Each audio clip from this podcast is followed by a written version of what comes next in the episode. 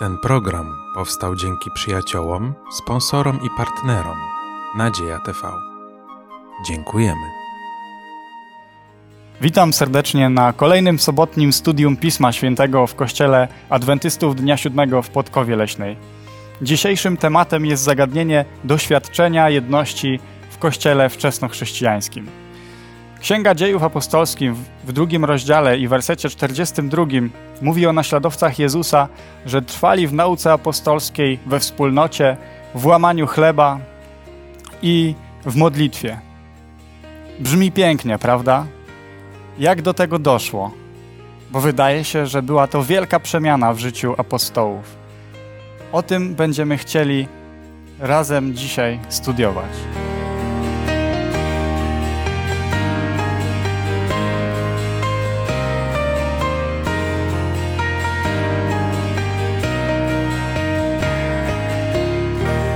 Razem ze mną w studiu jest dzisiaj Maksymilian, Błażej, Magda, a ja jestem Damian. Rozpoczniemy nasze studium od modlitwy. Błażeju, poproszę Cię o modlitwę.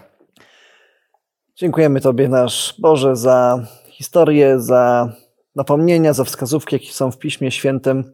Prosimy Cię, abyś objawił nam swoją wolę, abyś pokazał nam, jak Ty prowadziłeś swój lud do jedności i jak my możemy również doświadczyć tego samego w dzisiejszych czasach. Prosimy Cię, otwórz nasze umysły i prowadź nas Duchem Świętym, kiedy będziemy studiowali Twoją, Twoje słowo. Amen. Amen. Wracając do tej kwestii, o której powiedziałem na samym początku, myślę, że aby odpowiedzieć sobie na pytanie, jak doszło w ogóle do tego przełomu w życiu apostołów, powinniśmy sięgnąć do Pisma Świętego i zastanowić się nad fragmentem, no może na razie nad jednym fragmentem z pierwszego rozdzia rozdziału Dziejów Apostolskich. I Magda, poprosiłbym Cię, abyś przeczytała fragment od wersetu 8 do 14.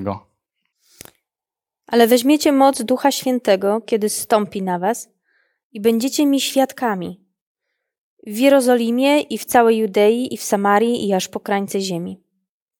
A gdy to powiedział, a oni patrzyli, został uniesiony w górę i obłok wziął go sprzed ich oczu.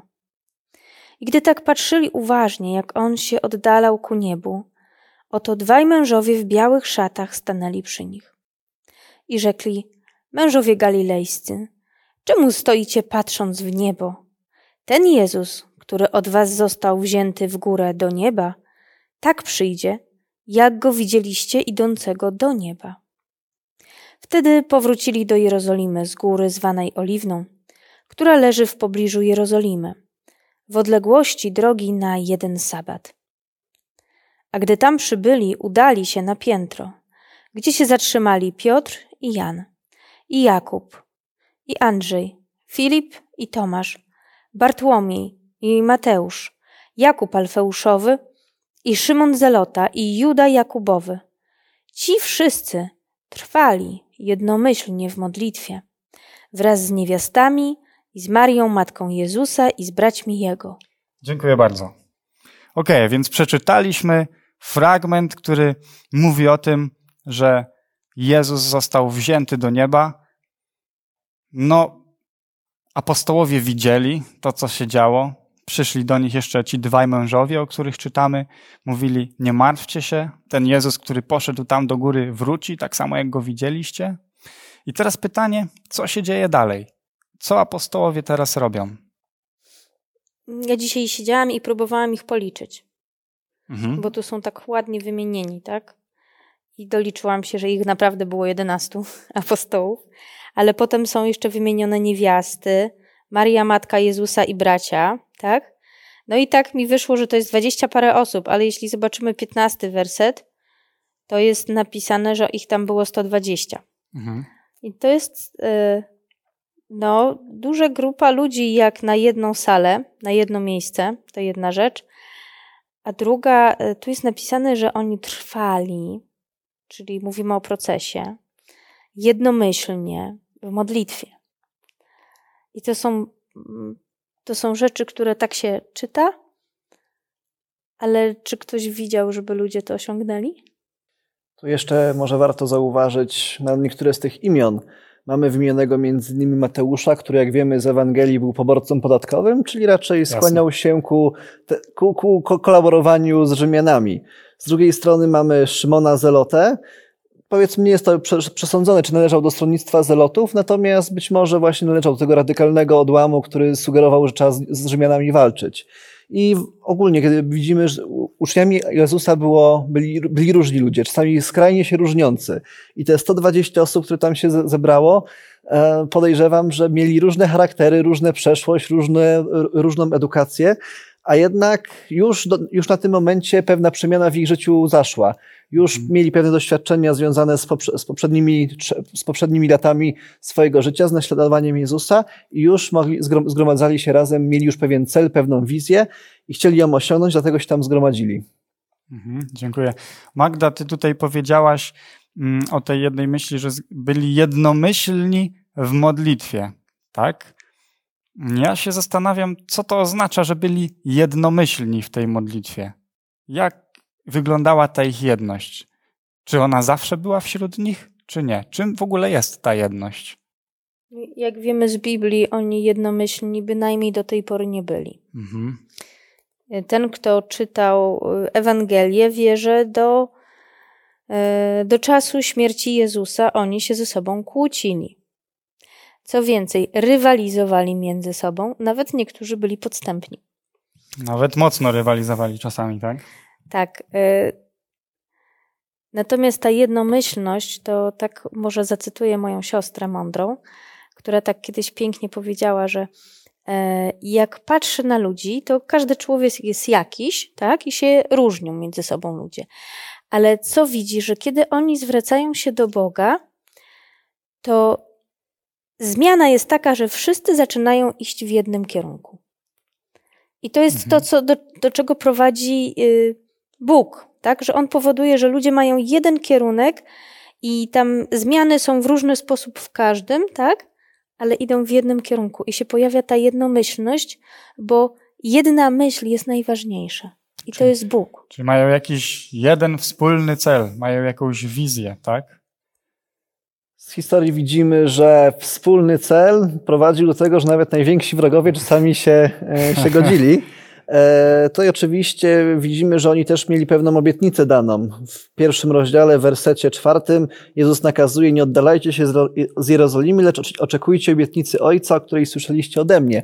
I oni, I oni spodziewali się, że to nastąpi, że ta obietnica Ducha Świętego, tego pocieszyciela, yy, się wypełni. Zgromadzili się razem, no i czekali, co zrobi Bóg. Mhm. No a co spowodowało tą jedność wśród nich? Czy to właśnie to oczekiwanie, o którym teraz wspomniałeś? Czy to jest ten czynnik, który spowodował tą jedność? I może jeszcze dodatkowe pytanie do tego bym zadał. Czy jakby jedność wśród apostołów była celem samym w sobie? Czy ona była skutkiem ubocznym czegoś innego? Jedność nie mogła być celem w sobie, samym w sobie, bo gdyby tak im mieli cel, to by już wcześniej się coś udało. Tak mhm. myślę. Więc musiała być skutkiem. Mhm. Ale y, myślę, że ludzie osiągają jednomyślność, kiedy na ogół albo są w sytuacji kryzysowej, albo mają jakiś taki poziom doświadczeń, że y, mają tą samą wizję i, i, i, są skoncentrowani i mają takie jakby podobne zrozumienie sytuacji, tak? Mhm. Przy czym jakie było ich zrozumienie sytuacji w tej chwili? No oni, oni zobaczyli śmierć Jezusa, tak? Oni doznali największego rozczarowania, załamania i największej radości. I pod tym względem byli na jednym poziomie. I teraz yy, oni wiedzieli, że bez tego Ducha Świętego, tak jak Błażej mówił, który miał, był im obiecany, oni nie będą mieli siły żyć tak, jak żył Jezus. A to było wyzwanie, jakie im tak. dał.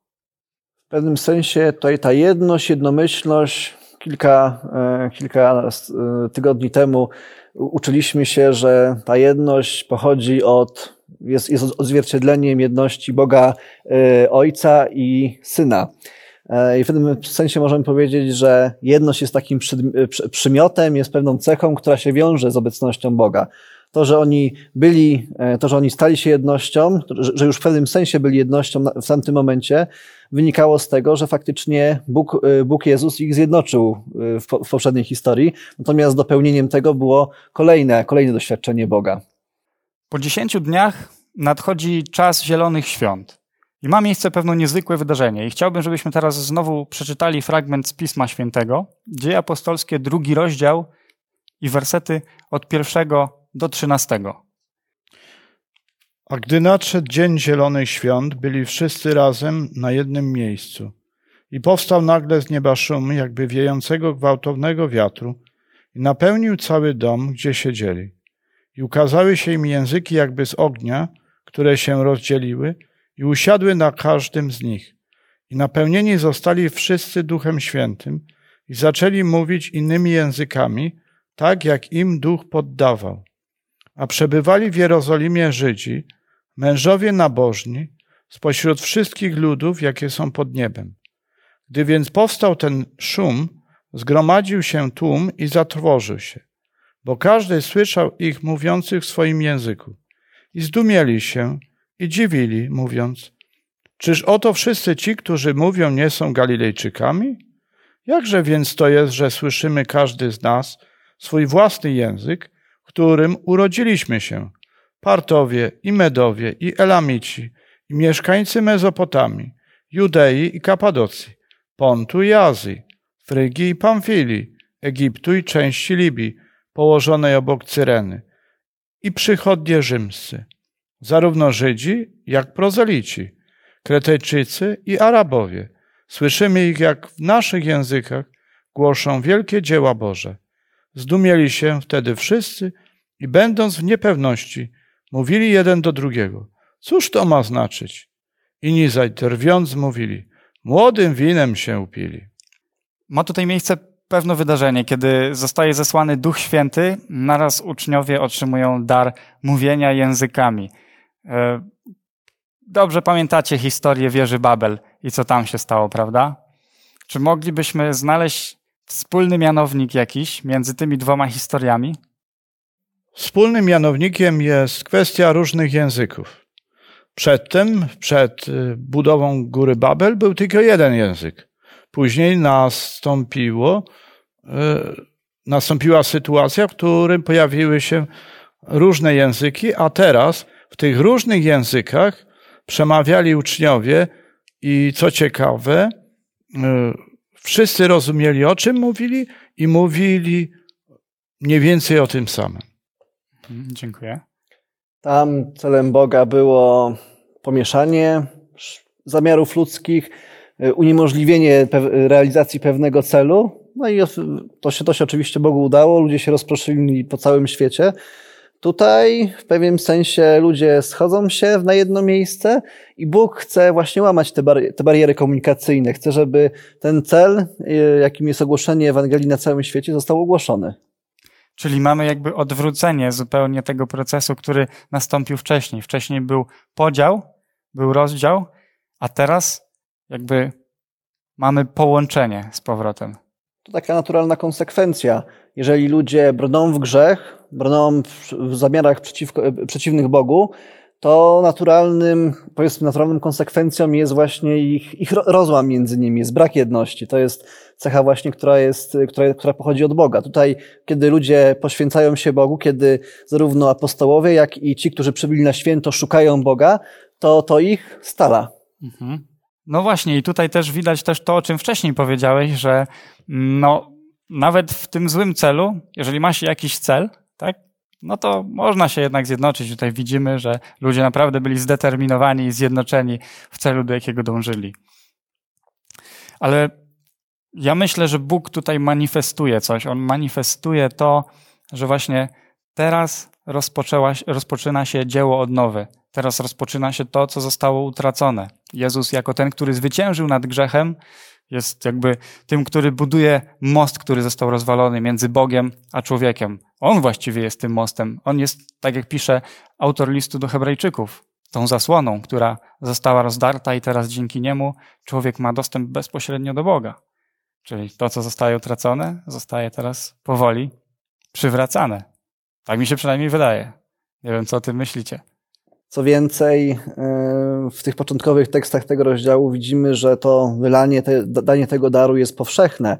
Na tych, na tych wszystkich apostołów został wylany, e, wylany duch i, i, te, i te języki usiadły na każdym z nich i napełnieni zostali wszyscy Duchem Świętym. Także e, widać, że też Bóg nie, nie czynił różnicy między nimi. Tak? Każdy dostał ten sam dar i mieli tego samego ducha.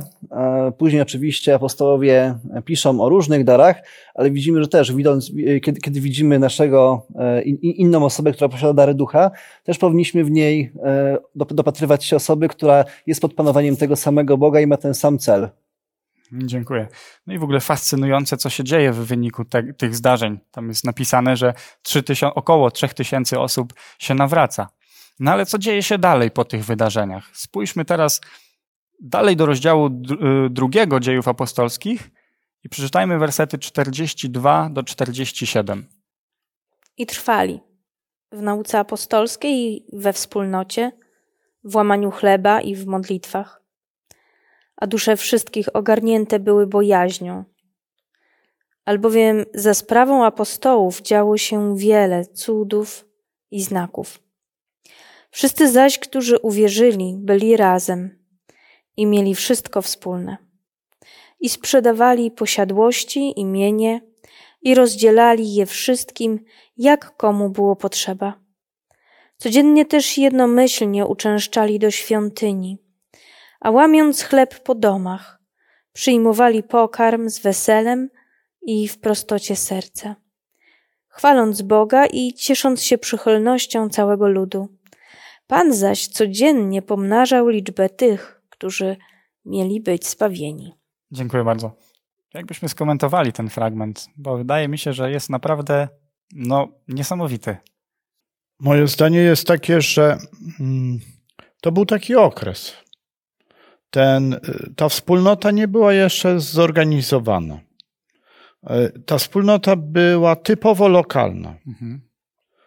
I w związku z tym, że ich tam było bardzo dużo, bo e, w 41 wierszu drugiego rozdziału jest powiedziane, że ochrzciło się 3000 osób, to oznacza, że ta wspólnota była bardzo duża. Mhm. W stosunku do Jerozolimy jako miasta, to była bardzo duża i, i powstawał problem po, socjalny. No, jak ta wspólnota ma funkcjonować? Wie, bardzo wiele tych uczestników tej wspólnoty w ogóle nigdzie nie pracowało. Z czego mają żyć? W związku z tym e, na tą potrzebę wyszli, e, albo inaczej powiedzieć, tę potrzebę zaspokoili ci, którzy mieli jakąś Y, jakieś mienie, e, coś do sprzedania, aby sprzedać aby się tym podzielić. Ale y, późniejsze fragmenty dziejów apostolskich mówi o tym, że to nie był plan Boży, żeby tego rodzaju komuny się tworzyły, czyli tego rodzaju wspólnoty lokalne, takie kibuce. Bożym zamiarem było, aby naśladowcy Chrystusa i apostołowie szli dalej i, i e, misją pokrywali cały cywilizowany świat, a nie e, tkwili e, w, w tej Jerozolimie. Czyli nie siedzieli tylko w Podkowie Leśnej. Właśnie miałem zadać pytanie, czy w takim razie, jeżeli tak to pięknie wygląda, no to czy my powinniśmy dzisiaj naśladować ten model i jakby w stu procentach robić dokładnie to samo, o czym tutaj jest napisane? Absolutnie nie. To nie jest planem Bożym. I co ciekawe, nie jest powtórzone w dziejach apostolskich ani w listach Pawłowych, żeby tak wspólnota tego typu była gdzieś powtórzona. I, i żeby jeszcze być, y, nie być gołosłowny, to ta wspólnota y, się rozpadła. Dlaczego się rozpadła? Bo Pan Jezus, Pan Bóg dopuścił prześladowania. I jest napisane, że się rozproszyli. Mhm. Bo taki był cel Boży, żeby nie siedzieli na jednym miejscu, tylko szli do Palestyny i aż do krańców ziemi. No, dziękuję. Błażej, też chciałeś coś dodać? Bóg swój Kościół organizował w różny sposób. E, natomiast na pewno wspólnym, wspólną, wspólną cechą e, każdego, każdej z form organizacyjnych była, by, był jakiś wyraz jedności. Kiedy sobie popatrzymy na dotychczasową wspólnotę, jakim był naród izraelski, to oni też byli, by, byli razem, byli wspólnie, mieli wspólną ziemię, swój kraj, mieli wspólną y, świątynię, na którą, na, na, którą każdy łożył odpowiednie, odpo, odpowiednie dary. Oczywiście każdy miał również swoją prywatną ziemię, tak, z, z, z, której się utrzymywał. Tutaj przez jakiś czas funkcjonowała również pewnego rodzaju organizacja y, oparta na pewnego rodzaju komunizmie, socjalizmie. E, natomiast e, też, e, też, te, też oni mieli ze sobą relacje, też, by, też byli wspólnie. Tak? To, jest, to, to jest ta rzecz, ta rzecz, która się pokrywa. Spotykali się i wiemy, że spotykali się, łamali chleb.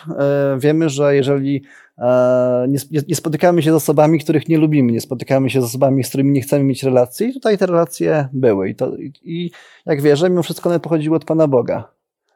To ja się wyrażę na odwrót. Bo ja Proszę chciałam bardzo. powiedzieć, że dla mnie to jest fantastyczne, co tu jest opisane. I myślę, że to jest taki mm, niesamowite, jak y, bliskość z Bogiem, jak obecność Ducha Świętego leczy człowieka z najcięższej choroby, czyli z egoizmu. I y, w swoim życiu doświadczyłam różnego takiego działania. I y, kiedy byłam w no, różnych wspólnotach, to Pan Bóg rzeczywiście tak robi, że jak ktoś ma potrzebę, to wpływa na drugiego człowieka i często okazuje się, że nie wiem, ja przychodzę i mam wielki problem, a tu stoi osoba, której Bóg powiedział, żeby mi pomogła dokładnie tak, jak potrzebuję. Więc y, ja rozumiem, że y, może nie jest to tak, że my mamy teraz sprzedać wszystko, co mamy i przyjść tutaj, y, złożyć na jedną kubkę, ale wiem, że kiedy Duch Święty prowadzi, to On właśnie nas prowadzi dokładnie tak, jak tu jest napisane, czyli do takiej szczerości, do miłości wzajemnej i do troski. Mhm, dziękuję. Jakbyśmy do tego nie podeszli teraz, to jest jednak napisane w liście do Koryntian, że w wyniku tego wydaje się, co się działo w Jerozolimie i w całej Judei, mm, Paweł musiał zbierać składki na chrześcijan pochodzenia żydowskiego właśnie z tamtych terenów. Wydaje się, że w wyniku właśnie tego, że oni posprzedawali wiele rzeczy, które posiadali, no potem sami potrzebowali pomocy. Chociaż można w tym i błogosławieństwa się też dopatrzyć, tak mi się przynajmniej wydaje, bo sprawa Boża się poszerzała, kiedy oni dawali na to pieniądze, wiele osób się nawracało, no a później ci, ci ludzie między innymi, którzy się nawrócili w wyniku tych działań, no oni jakoś też potem wspierali tych, którzy wcześniej dawali swoje pieniądze. No, ale przeczytajmy jeszcze może dwa fragmenty Pisma Świętego, jak już jesteśmy właśnie, jak już mówimy o tej szczodrości.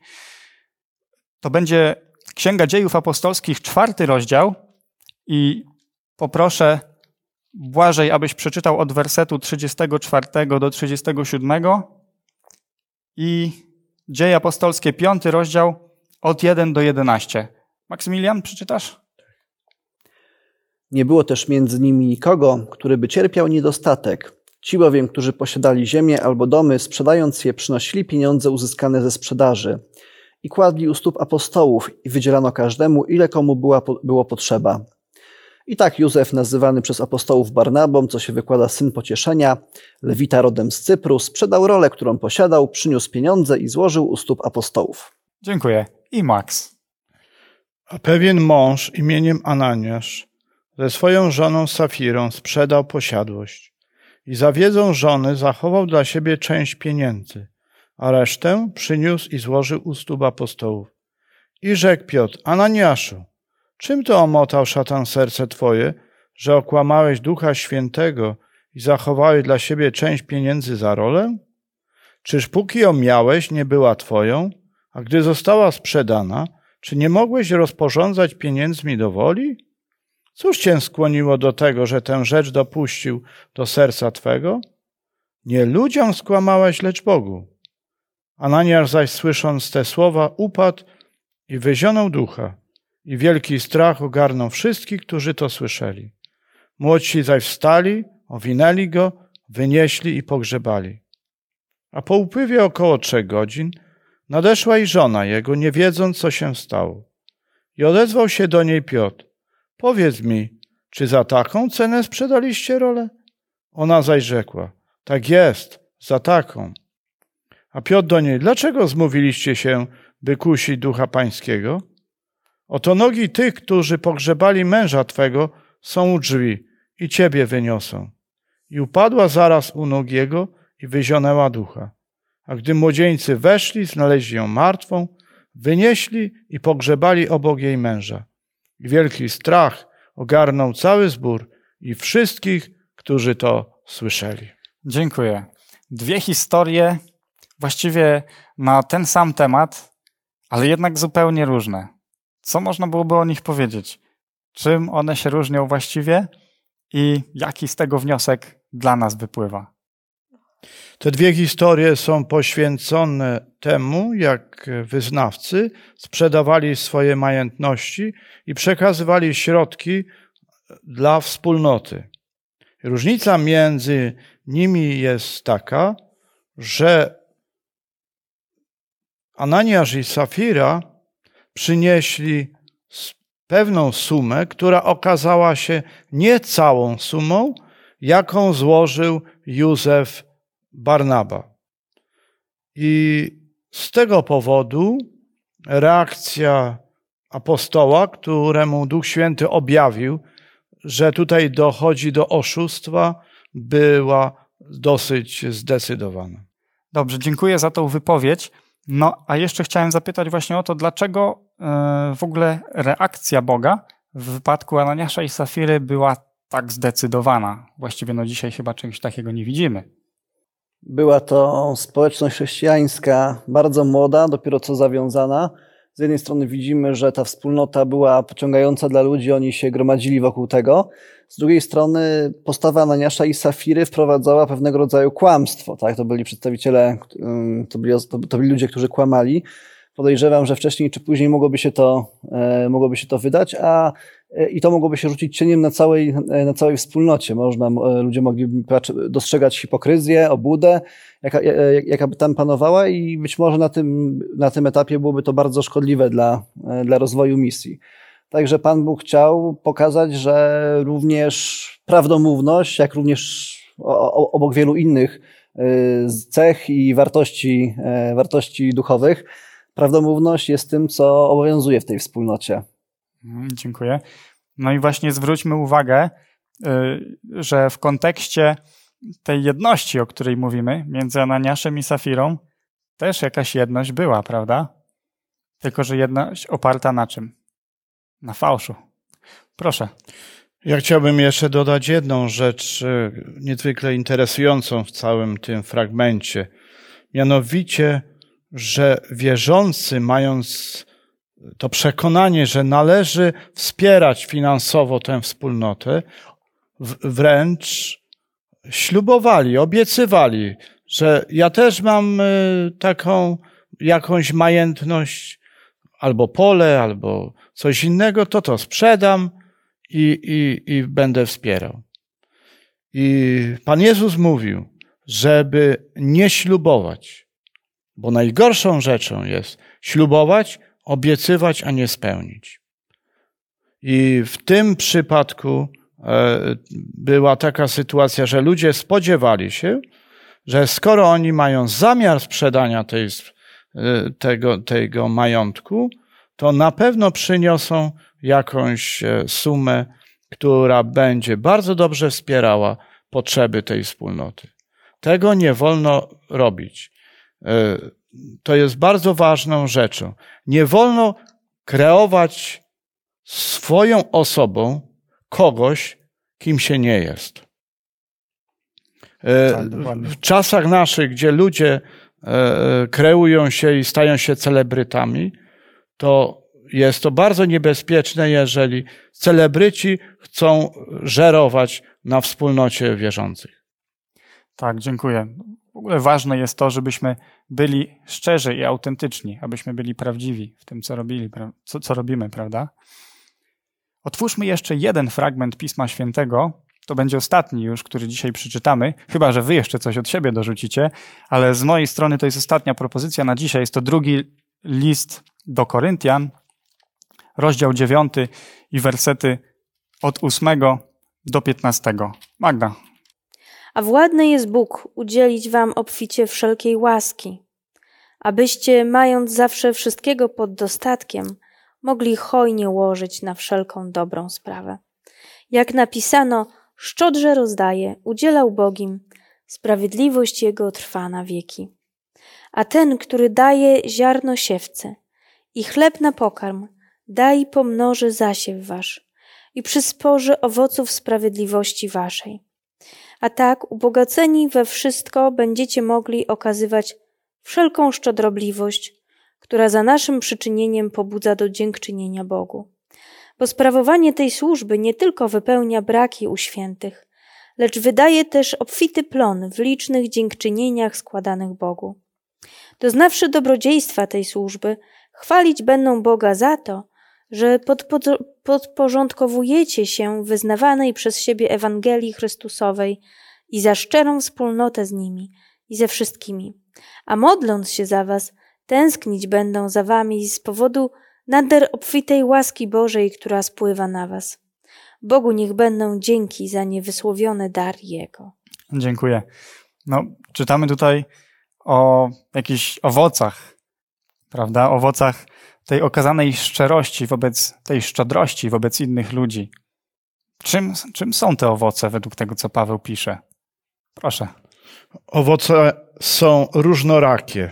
To nie są tylko błogosławieństwa materialne. Gdybyśmy niekiedy chcieli tak, że jeżeli złożymy dar finansowy, to chcielibyśmy, żeby Pan Bóg go pomnożył w naszym życiu, że jak złożymy 100 złotych, żeby w następnym tygodniu nam wpłynęło od razu 200 albo 300. To, to byłby super pomysł, ale to nie jest rolą Bożą, bo tego Pan Bóg nie obiecuje. Dlatego, że Pan Bóg obiecuje, jak się dzielisz, to ja będę ci różnorako błogosławił. Może niekoniecznie, że będziesz pomnożyć swój majątek, ale będę ci błogosławił zdrowiem, będę ci błogosławił e, innymi darami, innymi błogosławieństwami niematerialnymi, czego naprawdę nam często trudno jest zauważyć. Chcielibyśmy Boże błogosławieństwa mierzyć sumą na koncie bankowym, a to jest naprawdę złudne. Y, Nowy Testament nie jest Ewangelią sukcesu finansowego. I to musimy sobie wyraźnie powiedzieć. Nowy Testament jest Ewangelią Bożego prowadzenia, czy to w dostatku, czy w niedostatku. Mhm, dziękuję za tą myśl.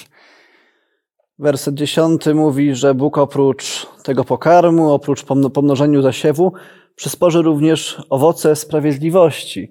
Mi się to kojarzy z końcówką listu do Galacjan, gdzie jest mowa o owocu ducha, gdzie właśnie e, owocami ducha jest miłość, pokój, cierpliwość, uprzejmość, tak? I to się, e, to, to są wszystko te e, rzeczy, które wypływają z miłości do, do drugiej osoby. Oprócz tych, oprócz tych darów fizycznych, które dajemy, również nie, nie damy komuś, nie damy komuś darów fizycznych, kogo nie szanujemy, kogo nie kochamy, kogo nie lubimy.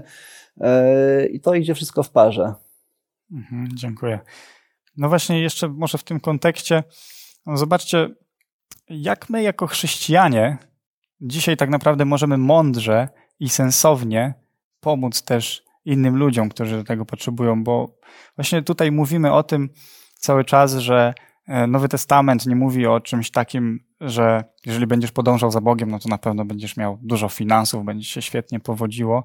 A czasami właśnie ludzie, jak oczekują od nas jakiejś pomocy, no to ta pomoc zazwyczaj no, jest taka, że chcą wsparcia jednak finansowego. Jest taka historia w dziejach apostolskich, gdzie człowiek chciał jałmużny, gdzie chciał wsparcia finansowego, a apostołowie im powiedzieli, srebra ani złota nie mamy, ale to, co mamy, ci damy. I te błogosławieństwa duchowe często są, na pewno, na pewno mają większą wartość niż te fizyczne. No to jest dobry przykład. Ja chciałbym powiedzieć, że to, co największym jest błogosławieństwem dla człowieka, to jest zdolność pogodzenia się z dolą i niedolą swojego życia. Bowiem, jeżeli człowiek nie potrafi się pogodzić z problemami, e, nie potrafi zrozumieć, że może właśnie Pan Bóg go przeprowadza przez te problemy, żeby go czegoś nauczyć, to niestety będzie strasznie rozczarowany i może zacząć obwiniać Boga za swój los, co jest e, naprawdę niedobre, bo Pan Bóg e, chce dla nas wszystkiego, co najlepsze. Ale niekiedy nie może wkroczyć na teren szatana. Jeżeli człowiek wydaje pieniądze w sposób nierozsądny, to jak Pan Bóg może pobudzić innych ludzi, żeby go dalej wspierali finansowo? To oznacza, że ten człowiek marnowałby pieniądze tych drugich ludzi.